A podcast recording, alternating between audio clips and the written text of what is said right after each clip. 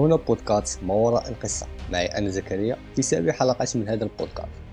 سنتحدث اليوم عن بعض العجائب التي حدثت قبل فتح القسطنطينية بقليل فترة دخول الجيش العثماني إلى القسطنطينية.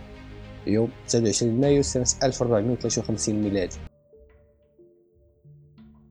في الرابع والعشرون والخامس والعشرون مايو أي قبل الفتح بخمس أيام أو أربع أيام حصل عدة حوادث عجيبة في قسطنطينية في داخل المدينة بعيدا عن الجيش العثماني المحاصر للمدينة. وإن كان طبعا الجيش العثماني يشاهد هذه الأحداث هو الآخر لأنها أحداث معظمها أحداث كونية. في اليوم الرابع والعشرون مايو بالليل حصل خسوف للقمر أي ليلة خمس والعشرون مايو.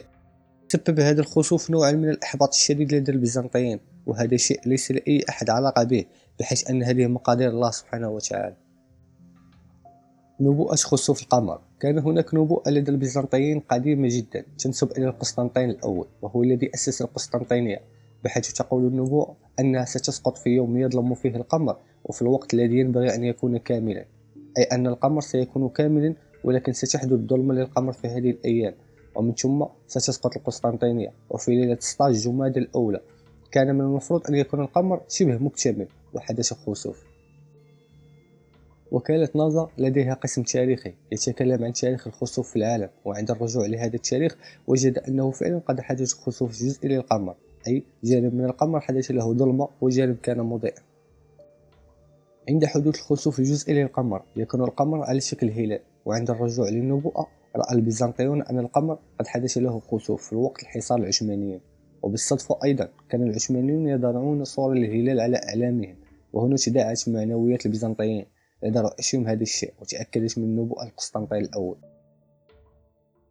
هذا حدث غريب وثابت ولكن رؤية رآها القسطنطين الأول هذا حدث يدعو للاستغراب بحيث أنه ليس نبيا ولا من الصالحين وتحققت رؤيته. وأيضا نحن رأينا فرعون الذي رأى رؤيا وتحققت رؤياه والكثير من الكفار رأوا رؤيا وتحققت. هذه الرؤيا سلاح عجيب جدا. لا أدري ما تفسير هذا الحدث الذي حصل للقمر ولكنه أدى إلى إحباط كبير لدى البيزنطيين ولدى القيادة لديهم. الضوء الأحمر حول كنيسة آيا صوفيا. قبل فتح القسطنطينية بخمس أيام وتحديدا في يوم 24 مايو شاهد سكان المدينة ضوءا أحمر قويا يحيط بقبة كنيسة آيا صوفيا ويبدأ في انتشار من القاعدة القبة العملاقة حتى غطاها تماما. ثم اختفى هذا الضوء الغريب وإلى الآن لم يحدد أحد من الباحثين والدارسين لهذه المرحلة التاريخية سبب هذا الضوء. لكن سكان المدينة في ذلك الوقت فسروا هذا الضوء بأنه الملك الذي يحرس كنيسة آيا صوفيا ومدينة القسطنطينية. قد قرر الرحيل عن المدينة وتركها. وهذا الضوء الأحمر هو ضوء الملاك وهو يغادر مما سبب للسكان حالة من الإحباط والتدني في الروح المعنوية. سقوط صورة السيدة مريم. كان لدى البيزنطيين صورة ضخمة للسيدة مريم وكان هذه الصورة من الدخان بحيث لا يحملها إلا عدة رجال وكان إطارها محلي بالجواهر والذهب وكانوا يسمونها حامية المدينة.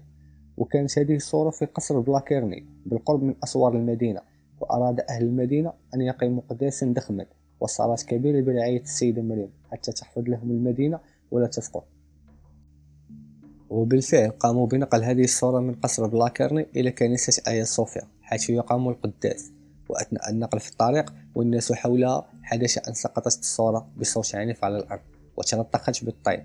فكان هذا السقوط من أشد الأمور التي أثرت على نفسية السكان وأحسوا بأنها نذير شؤم لسقوط القسطنطينية في يد المسلمين. بعد أن أفاق البيزنطيون من سقوط صورة السيدة مريم وأعادوا حملها مرة أخرى. وقبل وصولهم إلى الكنيسة آيا صوفيا لإقامة القداس هطل مطر شديد جدا على المدينة مصحوبا بكرات صلبة من الثلج والجليد وكان المطر من شدته أنه تحول إلى سيول وكان يجرف الأطفال من أيدي أمهاتهم. والثلج الصلب يسقط على الناس في الطرقات فيصيب رؤوسهم وأجسامهم. مما جعلهم لا يستطيعون إكمال القداس ورجعوا لبيوتهم خائفين محبطين. في اليوم التالي مباشرة من يوم القداس الذي لم يتم. وفي وسط النهار أحاط بالمدينة ضباب كثيف على غير العادة في ذلك اليوم من السنة حتى أنه تعذرت الرؤية في طرقات المدينة في منتصف النهار مما أصاب السكان وحامية المدينة بالخوف والرعب من هجوم المسلمين تحت غطاء هذا الضباب. بينما كانت هذه الحوادث نادر شؤم وعلامة من علامات الهزيمة عند البيزنطيين فإنها كانت علامة تفاؤل واستبشار عند المسلمين. وأمل في نصر الله. ودليل على القرب الفشل القسطنطينية واقتراب النصر. الأمور العجيبة والحوادث التي وقعت قبل فتح القسطنطينية كانت من العوامل رفع الروح المعنوية عند المسلمين وتحفيزا لهم وإحسان الظن بقرب الفتح وكانت على الجهة الأخرى خفضا للروح المعنوية ونذير بالقرب زوال ملكهم إمبراطوريتهم على يد الخلافة العثمانية.